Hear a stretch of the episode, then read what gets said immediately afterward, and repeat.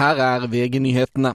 Erna Solberg får sterk kritikk av en samlet kontroll- og konstitusjonskomité etter aksjesaken med hennes ektemann. Solberg sin sak er sterkt kritikkverdig fordi det er alvorlig når en statsminister er inhabil og omfanget av den potensielle inhabiliteten ikke er mulig å etterprøve. Systemet som hun la opp til for å sjekke mulige aksjehandlere i familien, har i ettertid vist seg å ikke være holdbart. Sa komitéleder Høyres Peter Frølich. Og Høyre-leder Erna Solberg selv sier den sterke kritikken fra Stortingets kontrollkomité i habilitetssaken mot henne er som forventet.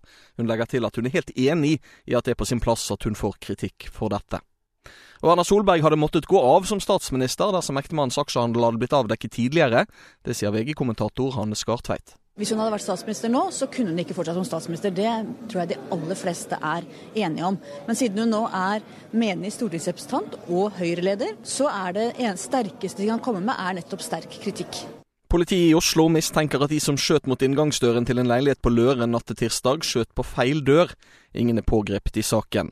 Og det brøt i dag ut brann i et togsett i Rana i Nordland. Ingen kom til skade. I studio Thomas Alsaker, nyhetene får du alltid på VG.